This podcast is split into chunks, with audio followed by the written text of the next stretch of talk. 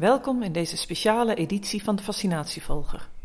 Een drieluik waarin ik te gast ben op het Nederlands Mathematisch Congres. In dit eerste deel van het drieluik ga ik op zoek naar twee organisatoren om iets meer te horen over wat er zich afspeelt in wiskundig Nederland. Welke ontwikkelingen vragen om aandacht en wat wordt er komende jaren verwacht? Zojuist is er een plenaire lezing gehouden door professor Jan Hesthaven over modelordereductie. Nieuwe ontwikkelingen op dit gebied, maar ook de uitdagingen werden getoond. En voordat de volgende sessie weer begint, krijg ik de kans om professor Wil Schilders vragen te stellen. Schilders is hoogleraar aan de Technische Universiteit Eindhoven met als leeropdracht Scientific Computing in the Industry. Hij is steeds op zoek naar nieuwe wiskundige methodes voor industriële uitdagingen, zoals bijvoorbeeld Digital Twin Technology. Dat is technologie waarbij je een digitale equivalent maakt voor een gebouw, een apparaat of een systeem. En bovendien is hij directeur van het platform Wiskunde. Maar hoe is hij zelf ooit in de wiskunde terechtgekomen, vraag ik me af. Ja, dat is eigenlijk eh, begonnen op de middelbare school natuurlijk. Eh, we hadden daar een eh, leraar en dat, dat hoor je vaker, dat mensen door een leraar geïnspireerd worden. Wij hadden echt een wiskundeleraar in de bovenbouw die fascineerde mij hoe hij dat deed. Hè. Er was stelling, bewijs en dan te bewijzen. En ja, dat, dat sprak me aan, hoe systematisch hij dat deed. Wat hij ook deed was voor de geïnteresseerde leerlingen na schooltijd een vak topologie. Dus dat was een soort wat tegenwoordig misschien wiskunde D eh, is, avant la lettre. Maar voor de mensen die dat leuk vonden, had hij dus extra lessen uh, om vier uur s middags. En ja, dat ging over metrische ruimten en over topologische begrippen enzovoorts. En ja, dat was ook heel erg leuk hoe hij dat deed. Dus ik denk dat uh, hij degene is die uh, schuld eraan is dat ik wiskunde ben gaan studeren. En ja. ja. het is me niet tegengevallen, dus ja. ja leuk dat dat dus een, uh, een docent is geweest. Ja, belang, ja, ja, ja, dat zie je, het belang van ja. goede leraren. En daar zijn we natuurlijk tegenwoordig ook mee bezig om te proberen om dat ze er ook omheen allerlei zaken kunnen vertellen. In plaats van alleen maar het boek te volgen en oké, dit was hoofdstuk 8, uh, proefwerk klaar, volgende hoofdstuk. Uh, zaken eromheen vertellen ja. en mensen interesseren voor wiskunde. En ja, wij proberen dat ook met, uh, we hebben zo'n boek Succesformules uh, twee jaar geleden gepubliceerd binnen het platform Wiskunde, waarin dus getoond wordt, wat kun je nou allemaal met wiskunde, wat doen mensen nou allemaal met wiskunde? En daar staan denk ik heel onvermoede zaken in. Dus prachtig boekje voor middelbare scholieren om te bekijken, te lezen en te zien van, hé, hey, kan dat ook allemaal met wiskunde. Ja, mooi. Ja, noemt dan even weer het platform Wiskunde. Daar bent u directeur van. Platform Wiskunde Nederland is opgezet door het Koninklijk Wiskundig Genootschap en de Nederlandse Vereniging van Wiskundeleraren. Wat is het verschil precies tussen Platform Wiskunde en zo'n wiskundig genootschap? Ze willen allebei wiskunde breder uitdragen. Ja, ja, ja. Ik bedoel, dat is inderdaad het, de overeenkomst tussen beide verenigingen. We zijn eigenlijk heel breed eh, in het platform. We hebben vijf commissies aan boord op het gebied van onderzoek, innovatie, dus contacten met bedrijven, onderwijs en daarnaast publiciteit en publicaties. Ja, die uh, zaken die worden dan verder ontwikkeld en zo, zo proberen we samen dus allerlei dingen te doen voor wiskundig Nederland. En in principe is dat uh, heel succesvol, zeker de laatste tijd. We zijn begonnen met uh, een visiedocument te schrijven een paar jaar geleden. Uh, we hebben een rapport laten maken door Deloitte uh, over de economische waarde van wiskunde voor Nederland. Wat, wat, kwam daaruit? Nou, daar kwam uit dat de wiskunde een hele grote rol speelt in heel veel beroepen. En dat dus uh, eh, 30% van ons bruto nationaal product eigenlijk toe te schrijven is aan wiskundige activiteiten, direct en indirect. En dat zijn dus behoorlijke getallen, zeg maar. Het betekent gewoon dat wiskunde enorm belangrijk is voor de maatschappij. En dat zie je ook. Ik bedoel, wiskunde is echt overal. op dat boek Succesformules, daar staat een mooie quote van een van onze bekende wiskundigen, Lex Schrijver. Lex die zei, wiskunde is als zuurstof. Als het er is, dan merk je het niet en dan heb je er ook geen aandacht voor. Maar zodra het er niet zou zijn, dan weet je wat je mist. Hè? Ik bedoel, dan, uh, wiskunde is echt overal tegenwoordig. De wereld wordt steeds complexer. En wiskunde is, uh, ja, die heb je nodig om die complexiteit te begrijpen en uh, ja, te kunnen masteren, zeg maar, te kunnen beheersen. Ja, en dan ben ik heel benieuwd, want wiskunde is nog een heel brede term. Mm Maar u houdt zich ook heel specifiek met machine learning bezig. Want zo direct uh, begint er een workshop die u heeft georganiseerd. Mhm. Waarom wilt u dat graag in het programma hebben? Ja, er zijn heel veel thema's die ik hier op het programma had kunnen zetten. Uh, ik ben zelf vooral wiskundig bezig samen met industrie en, en, en maatschappelijke problemen. En ja, dan zie je allerlei zaken gebeuren in, in de wereld. En machine learning is een van de dingen die daar gebeurt. Dus dat is het werken met neurale netwerken. We hebben het ook wel eens over deep learning. Dat is ook een term die je tegenwoordig veel hoort. Je ziet dus dat uh, bijvoorbeeld als je naar spraakherkenning kijkt uh, op telefoons, nou dat, is, dat werkt fantastisch tegenwoordig, maar dat werkt dus met behulp van neurale netwerken. Dat zijn dingen waar aan de ene kant iets ingaat en dan is er een netwerk en aan het eind komt daar iets uit. En uh, dat werkt voor spraakherkenning heel goed. Maar het wordt ook om andere zaken te modelleren, andere processen te beschrijven, wordt het gebruikt. Het is vaak heel erg heuristisch wat daar gebeurt. Van hoe stel je zo'n netwerk samen, hoeveel lagen moet zo'n netwerk hebben, enzovoorts, enzovoorts. En wij denken als wiskundigen dat we daar een antwoord op kunnen geven en dat we daar richtlijnen voor kunnen ontwikkelen van ja, voor dit probleem heb je zoveel lagen nodig en voor dat probleem heb je zoveel lagen nodig en zoveel neuronen per laag. Hè, dan praat ik even in dat jargon wat men daar gebruikt.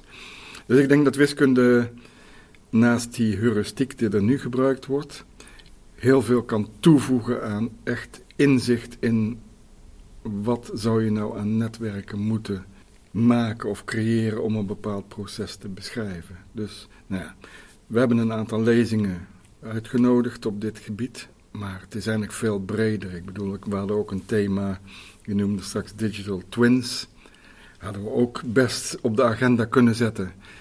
Of eh, artificial intelligence, kunstmatige intelligentie, ook daar denken wij dat we als wiskundigen allerlei bijdragen kunnen leveren. Ja. Want u noemde al van de wereld wordt complexer en uh, daar hebben we dus juist ook veel meer wiskunde steeds meer bij nodig. Ja, ja. En nu noemt u een aantal termen, eh, artificial intelligence, mm -hmm. digital twin technology. Welke ontwikkelingen voorziet u in de ja. voor de maatschappij? Ja, ik denk dat dit hele belangrijke ontwikkelingen zijn die, die we hier noemen. Hè. Dus, uh, en dat zie je ook als je naar Europa kijkt, naar de wat daar aan funding wordt gegeven voor projecten, dan kijken we naar eh, inderdaad kunstmatige intelligentie, machine learning. Digital twins wordt heel belangrijk in de industrie, want uh, tegenwoordig wordt alles ontworpen achter een scherm. Je kunt tegenwoordig een heel vliegtuig ontwerpen achter het scherm, zonder dat het in een of andere windtunnel is geweest en het zal nog vliegen ook. Laatst heeft Virgin bijvoorbeeld zo'n heel raar vliegtuig, het was vorige week op tv, ontworpen, helemaal achter een scherm. Er is geen enkele windtunneltest gedaan om te kijken of het überhaupt luchtwaardig is. En het vliegt. Dus tegenwoordig wordt vrijwel alles achter een scherm ontworpen. Maar in de industrie wil men daar dus graag naartoe dat je zowel het ontwerp, maar ook later als het product ontworpen is en het wordt gebruikt, dat je ook in die fase een computer daarnaast hebt staan die precies het fysische proces imiteert en waarbij je zelfs op de computer nog vooruit kunt kijken. Als je hele goede wiskundige methoden hebt die snel zijn, dan kun je zelfs vooruit in de tijd kijken. En dan kun je bijvoorbeeld zien of iets warm dreigt te gaan lopen. En als je dat op je computer ziet van hé, hey, over vijf uur gaat dat ding warm lopen, dan kun je ingrijpen in het fysische proces, in het echte apparaat. En zeggen van, oh wacht even, dan moeten we even iets gaan doen, zodat het niet warm loopt en we dus niet het proces hoeven te stoppen, wat vaak heel duur is. Ja, dus op die manier probeer je dat soort zaken ja, te monitoren. En, okay. uh, dus het is niet wat ik eerst dacht, een, een, twin in die zin van een soort backup, een reservekopie? Nee, het is echt uh, het simuleren van de werkelijkheid. En dat kunnen we steeds nauwkeuriger doen, omdat je bijvoorbeeld zo'n uh, fysisch systeem, zo'n apparaat, daar kun je sensoren op plakken. En die sensoren die kunnen weer informatie sturen naar uh, de digital twin, zoals we dat noemen. En daarmee zorgen dat dat proces op die computer nog beter lijkt op het echte proces. Maar ja, goed, er zijn ook digital twins bijvoorbeeld van, het, uh, van de mens. Hè? Dus uh, daar is men ook mee bezig. Uh, om vervolgens gepersonaliseerde medicijn te kunnen, kunnen voorschrijven. Dus als je iemand goed in kaart brengt en je doet dat al vanaf de geboorte en je houdt dat bij, dan heb je op een gegeven moment een digitale kopie van de mens. En dan kun je ook vergelijken van, oh ja, vorig jaar uh, was de bloeddruk zo en dit jaar. En, dat is een simpel voorbeeld dan, hè, maar je kunt allerlei parameters meten. En dan kun je dus zo veranderingen zien. En als er dan een ziekte optreedt, dan kun je dus gedoseerd zaken toedienen. En dan, hè, tegenwoordig is het nog steeds gebruik om dezelfde hoeveelheid voor te schrijven -huh. Aan ieder mens. En, en maar wie beheert zo'n twin dan? Daar moet je dus heel goed over nadenken. Dat, dat zijn natuurlijk uh, privacygevoelige gegevens. En uh, ja, dat, uh, in principe hoort dat bij jouzelf natuurlijk. Ja. Nou, dat zijn inderdaad heel wat ontwikkelingen die u schetst. Ja. Een heel andere ontwikkeling of een heel andere vraag. In 2015 lanceerde het platform Wiskunde samen met de NWO het Deltaplan voor de Nederlandse wiskunde. Waarom was dat plan nodig? En lukt het ook wat daarmee werd beoogd? Wat we gedaan hebben is, we zijn in 2013 zijn met een zogenaamde drietrapsraket begonnen binnen het platform wiskunde. Waar bestond die uit? Uit een visiedocument van hoe staat het met de wiskunde in 2025 en wat zien we voor ontwikkelingen daarin? Waar zouden we aan moeten werken? Tweede was dat Deloitte-rapport, wat ik straks noemde, de economische waarde van wiskunde. En derde was het boekje Succesformules om ook leerlingen op middelbare scholen. En ja, zoals wel vaker met een raket, hè, een drietrapsraket noemde ik het. Ja, we probeerden om wiskunde in een hogere baan te brengen, zo gezegd. En nou, dat is denk ik gelukt. Wat, we zijn naar het ministerie gegaan. Voor dat visiedocument hebben we aangeboden bij OCW. Het Deloitte-rapport hebben aangeboden bij Economische Zaken. En naar aanleiding van het visiedocument heeft de OCW ons gevraagd: maak je nou eens een plan waar niet zozeer de visie in staat, maar wel allerlei actielijnen met bijbehorende prijskaartjes. Van wat hebben jullie nou nodig om in de toekomst die dingen te kunnen doen die in dat visiedocument staan? Nou, daar hebben we een Deltaplancommissie voor opgericht onder leiding van Jacob is de voormalig rector van Delft. In dat deltaplan staan inderdaad twintig actielijnen uh, op allerlei gebieden die uh, ook genoemd werden zojuist. Uh, onderzoek, innovatie, publiciteit, et cetera, voor de Nederlandse wiskunde. En daar hangen ook prijskaartjes aan. Dus in principe vroegen wij aan de minister een bepaald bedrag. En dat waren verschillende miljoenen per jaar, zeg maar, om dat te kunnen doen wat wij voor ogen hadden. Tegelijkertijd uh, waren ook natuur en scheikunde bezig met uh, soortgelijke plannen maken voor hun vakgebieden. En toen het deltaplan gereed was, hebben we dat aangeboden aan de minister. En tevens uh, hebben wij op dat moment ook een zogenaamde wiskunderaad. Die hebben we ingeschakeld om samen met natuur en scheikunde naar het ministerie te gaan om te proberen dat deltaplan van ons plus die plannen van natuur en scheikunde te verkopen aan de minister. En zodat de minister overstag zou gaan en zou zeggen van alsjeblieft, hier hebben jullie geld. Ja. En dat is vorig jaar gelukt. Hè, dat is in de nieuwe Hij ging regio. overstag. Hij ging overstag, ja, hij was uh, overtuigd. Waarom was dit allemaal nodig? Was er een urgentie? Ja, er was zeker een urgentie en dat hebben we ook in het Deltaplan aangegeven en ook in dat visiedocument voorheen.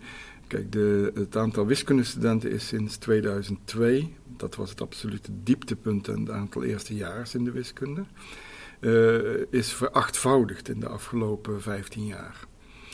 En ja, de staf die is nagenoeg gelijk gebleven. Dus het was hoog tijd dat er mensen bij zouden komen. Als je mensen spreekt op universiteiten op dit moment, dan is het de hoeveelheid onderwijs die zij moeten geven is exorbitant, zeg maar. Dat is veel te veel. Dus dat zou eigenlijk terug moeten, zodat ze ook weer onderzoek kunnen doen, goed onderzoek kunnen doen. De plannen zijn recent ingeleverd. Uh, in uh, mei of juni zal er duidelijkheid komen, zal er advies aan de minister gegeven worden door de sectorplancommissie. En dan zullen de middelen beschikbaar worden. Daarnaast zijn er plannen dus dat zijn onderzoeksposities. Daarnaast zijn er ook nog, worden er nog wat gelden afgeroomd voor zogenaamde outreach. Waarbij we dus proberen om de beta nog beter naar voren te brengen. Want als je kijkt naar middelbare scholen, dan zijn daar nou, misschien 20, 25 procent van de leerlingen kiest voor een natuur- en techniek of natuur- en gezondheidsprofiel. De anderen kiezen allemaal voor een ander profiel, de andere twee profielen. Dus we streven eigenlijk naar meer beta-studenten of meer mensen die die keuze voor natuur en gezondheid of natuur en techniek kiezen op middelbare scholen. En daarnaast, uh, naast dat plan voor outreach, is er ook nog een plan om meer leraren op universiteiten af te leveren. Ja. Dus ja, dat zijn allemaal zaken die door dat sectorplan kunnen gebeuren. En ik vind dat heel erg fijn en we zijn daar heel erg blij mee. Ja. En eigenlijk als onderliggend doel hè, hoor ik wel zeggen van we willen kijken of we die wiskunde in een hogere baan kunnen brengen. Ja, als je kijkt naar industrieën, ik noem maar een industrie hier in Veldhoven zelf, uh, eh, ASML, uh-huh. die, we, die hebben honderden wiskundigen nodig, maar die worden niet afgeleverd. Dus het is echt een heel technologisch hoogstaand bedrijf. Maar dat geldt voor veel meer bedrijven. Hè. We wat voor soort bedrijven verwacht u daar veel? Ja, alle, alle, alle bedrijven. ik bedoel, Ja, ja, ik bedoel, wat wij ook doen bijvoorbeeld, uh, wij hebben elk jaar een zogenaamde studiegroep wiskunde met de industrie. Maandagochtend presenteren zes bedrijven hun wiskundige problemen. En daar werken dan de hele week groepjes wiskundigen aan. En op vrijdag presenteren die hoe ver zij ermee gekomen zijn. Heel soms is er een oplossing natuurlijk voor het probleem, maar vaak komt er een advies aan het bedrijf van ja, ik zou eens in die richting kijken of ik zou daar eens naar kijken of dit is misschien een mogelijkheid. En ja, dan komt er follow-up en dan worden er misschien afstudeerprojecten daar gedaan en vervolgens, ja, wat verder in de tijd misschien wel promoties. Eh, dus allerlei bedrijven hebben tegenwoordig uitdagingen die wiskundig opgelost moeten zijn. ze zijn er zich er lang niet altijd van bewust eh, ook, eh, dus... Ja, dus ik denk dat er nog heel veel werk te doen is en we hebben dus echt heel veel mensen nodig. En het zou dus ook, ook een van onze pijlers is om ja, veel meer meisjes te interesseren voor, voor deze materie, zeg maar. Ik noem, volgens mij noemde je straks al dat meisjes afhaken. Ja, dat is toch niks voor ons. Dat wordt soms ook wel in gezinnen gezegd. Maar ik hoop dat dat toch steeds minder wordt. En dat er. We hebben genoeg mensen, die, uh, meisjes, die uh, carrière maken tegenwoordig in, uh, in de wiskunde. En dat kan prima, dus waarom niet? En er is genoeg te doen. Dat is, ja. dat is gewoon het hele punt. ja, genoeg uitdagingen. Genoeg uitdagingen, ja. ja, ja. ja. U moet zo die workshop in voor de machine learning. Mm Maar tot slot, als u na zoveel jaar even terug zou kunnen in de tijd... en u zou opnieuw weer in, zelf in die schoolbanken zitten... welk advies zou u zelf meegeven? Ja, ik denk toch, ja goed, ik ben natuurlijk uh, bevooroordeeld. Ik, ik, denk dat ik geluk heb gehad dat ik zo'n leraar had die mij liet zien hoe mooi de wiskunde eigenlijk is. Dus ik zou, ja, dat boekje Succesformules wat we uitgegeven hebben, ik denk dat dat een goede indruk geeft. Dat, dat wist ik dus vroeger niet. Dus ik zou denken van informeer je goed. Kom, klop bij ons aan. Ik bedoel, kijk, uh, dan, uh, begin met dat boekje succesformules te lezen. Uh, er zijn wiskunde-olympiades. We doen erg veel kangoeroewedstrijden. We proberen op allerlei mogelijke manieren die outreach die ik straks al noemde te doen voor de wiskunde. En ik denk dat we daar nog veel meer aan moeten doen. Om, er is nu ook een heel mooi nieuw project daar hebben we ook een tafel voor ingericht hier, dat heet Smart Pool. Dat is dus, ik ben twee weken geleden bij de Biljartbond geweest. En die doen een Smart Pool project. Die brengen een pooltafel naar uh, scholen. Daar zitten boekjes bij. En die leggen dus de link tussen poolspelen en wiskunde. Leuk. Ja. En nou, dat is prachtig. Ik bedoel, leerlingen vinden het geweldig. Dus uh, ondersteunen we helemaal uh, ja. dat soort initiatieven. Leuk. Nou, hartelijk dank. Ja, Mooi graag gedaan. Horen. En veel succes nog in uw uh, ja, verdere werk. Dankjewel. Ik loop weer naar de centrale foyer waar koffie wordt gedronken en diverse informatiestands te bezoeken zijn. Onderweg zie ik her en der mensen onderzoekend met elkaar in gesprek Er wordt veel uitgewisseld. In de foyer zie ik Marieke Kranenburg. Ik spreek haar even aan, want zij zit ook in de organisatie. En bovendien kan zij mij misschien uitleggen waarom vrouwen zo vaak nog minder vertegenwoordigd zijn in de wiskunde. Um, er wordt aan mij heel vaak de vraag gesteld van ik wil eigenlijk wel um, part-time werken, maar dat kan niet in deze wereld. En dan zeg ik, en waarom kan dat niet? Als jij 0,8 FTE wil werken, dan werk je 0,8 FTE. Ja, maar niemand doet dat. Het kan wel. Het kan wel. Oké. Ik denk dat het voor de vrouwen heel veel zou schelen als het parttime werken in de wetenschap gewoon iets normaler wordt. Ja. En ik werk daar wel actief aan mee door ze daar echt wel steeds expliciet op te wijzen van dat is gewoon een reële mogelijkheid. En, maar het wordt inderdaad heel weinig gedaan. Ja. Nou, dat is goed om te horen. Geef ik zelf ook een slecht voorbeeld als fulltimer. Je werkt fulltime? Ja. Oké. Het is niet alleen Universiteit van Amsterdam die ik op het kaartje zie staan, maar je zat ook in de organisatie van het congres. Ja. Nou, wat zijn nou de grootste uitdagingen die je tegenkwam bij het organiseren? De uitdagingen die je tegenkomt in het organiseren is dat er in de wiskunde zoveel, en dat klinkt misschien negatief, maar zo bedoel ik het niet, clubjes zijn die zichzelf willen presenteren, maar die ook echt belangrijk zijn voor de wiskunde. Dat je ze eigenlijk allemaal aan het woord wil laten komen en allemaal een onderdeel in het programma wil geven, terwijl je toch zit met een restrictie van twee dagen waar het allemaal in moet. En waar het ook belangrijk is dat er ruimte is om onderling te netwerken. Want je zit twee dagen met elkaar in een conferentie. Dus je wilt ook genoeg vrije tijd in het programma inbouwen, zodat er genetwerkt kan worden. En dat leidt wel eens tot concessies die je moet doen aan het programma, maar ook aan de lengte van de dagen. Dus we gaan morgen vrij lang door. Maar we hebben ook gewoon interessante dingen te melden. Dus dat is een, dat is een grote uitdaging om het allemaal in elkaar te laten passen. Ja. Hoe ben je daar dus mee omgegaan door te zeggen we gaan gewoon langer door? En uh, een gedeelte is uh, de parallele sessies. Oh ja. uh, want eigenlijk alle, alle disciplines in de wiskunde hebben daar een plek in. En ook de twee zwaartekrachtprogramma's die rondom twee grotere thema's zijn georganiseerd. Dus dat is zeg maar, heel wiskundig inhoudelijk wat, je, wat je moet herbergen. En daarvoor hebben we de parallele sessies.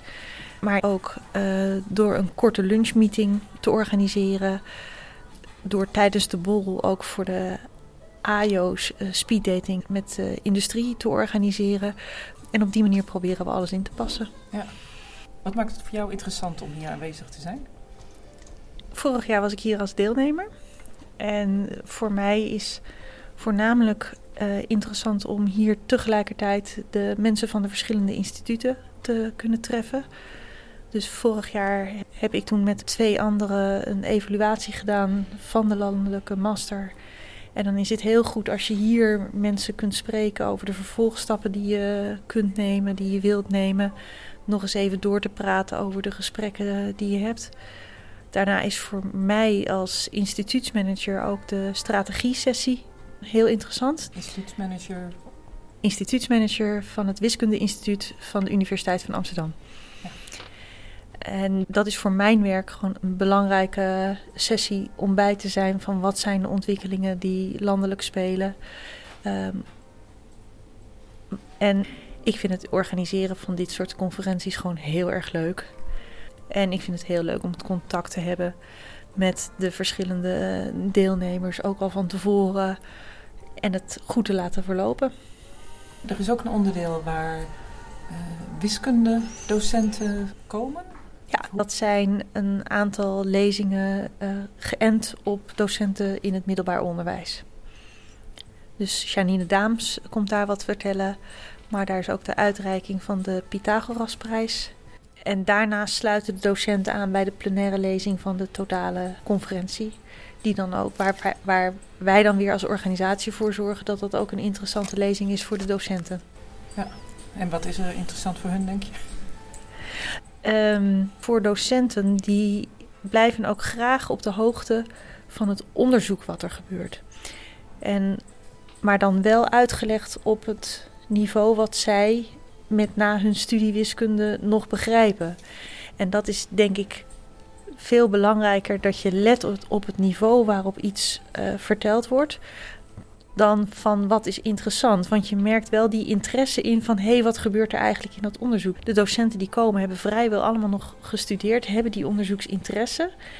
Maar komen daar natuurlijk in hun dagelijkse praktijk niet meer mee in aanraking. En voor hen is het leuk om weer even die koppeling terug naar het onderzoek te hebben van wat gebeurt er. Ja, ja dat is leuk, want zo kun je leerlingen ook extra weer uh, inspireren met actuele ontwikkelingen. Ja. Ondertussen horen we een repeterend geluid. Denk jij dat dat voor vanavond is? Oh, dat zou kunnen. Ja, er is vanavond een, een dansvoorstelling gebaseerd op een wiskundige stelling. En daarvoor zijn ze nu de generale repetitie aan het houden. Leuk. Nou, dankjewel. Graag gedaan. veel succes nog met de organisatie. Ja, dankjewel. En als ik Marieke Kranenburg weer achterlaat in de foyer, zie ik professor Schilders nog wat rondlopen. Dat is het fijne van zo'n congres. Je kan er echt heel ongedwongen contacten leggen, informatie laten bezinken en er later dan nog weer eens op terugkomen. Schilders had het over wiskundige toepassingen in bedrijven en eigenlijk ben ik wel benieuwd of hij daar nog wat voorbeelden van heeft. Hoe en bij wat voor soort bedrijven wordt wiskunde het meest toegepast?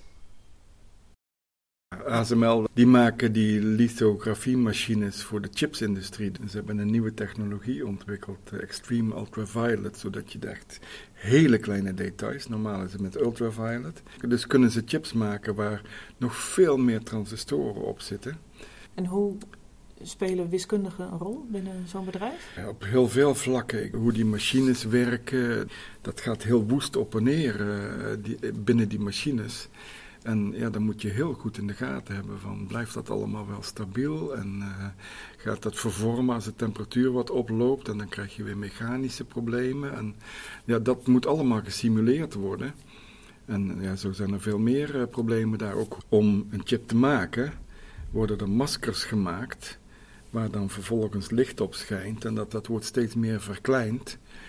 Als je dat chipje zou uitvergroten, dan heb je een plattegrond van New York, zeg maar, of, of nog, nog complexer, op een vierkante millimeter. Dus ja, dat is uh, ongelooflijk. Maar dat moet je wel allemaal door lichtbundels te schijnen op die, uh, moet dat uh, bewerkstelligd worden.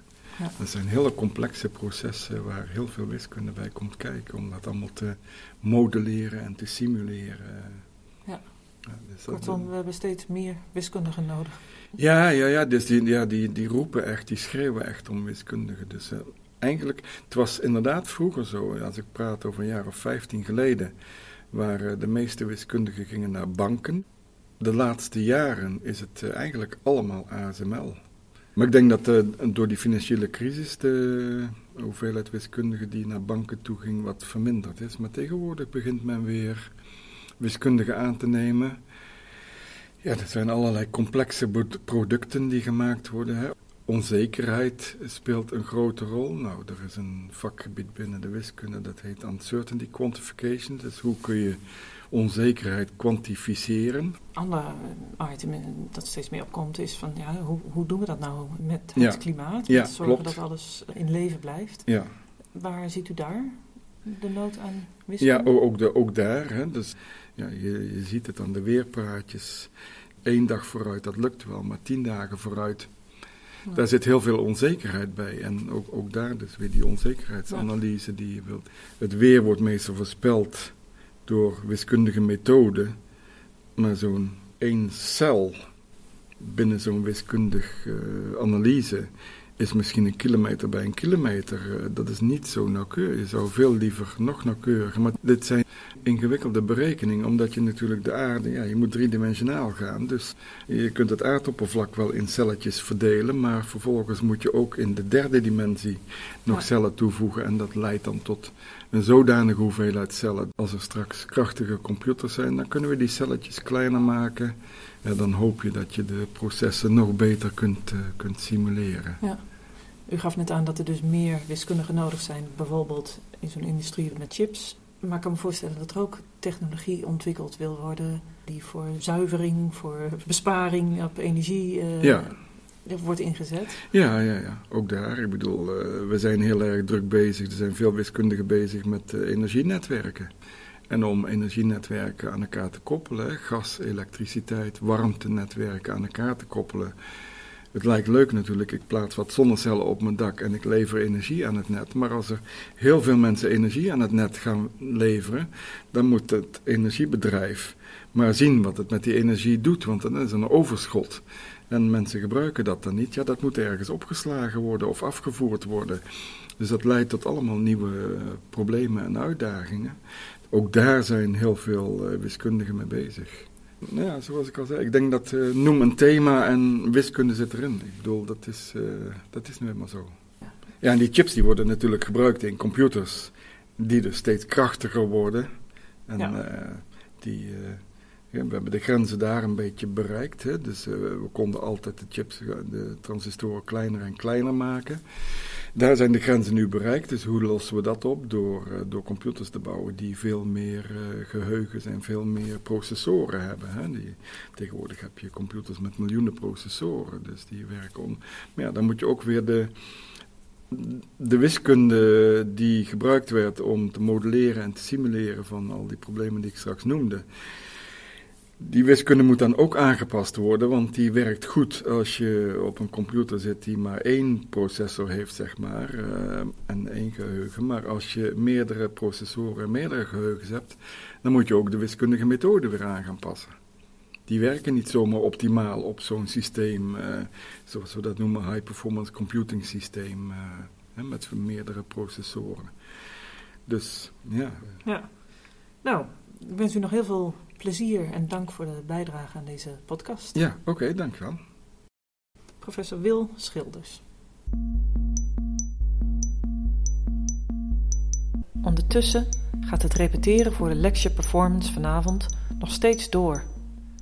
De muziek daarvoor wordt gecomponeerd door Ivo Bol en een klein stukje daarvan is te horen in deze podcast.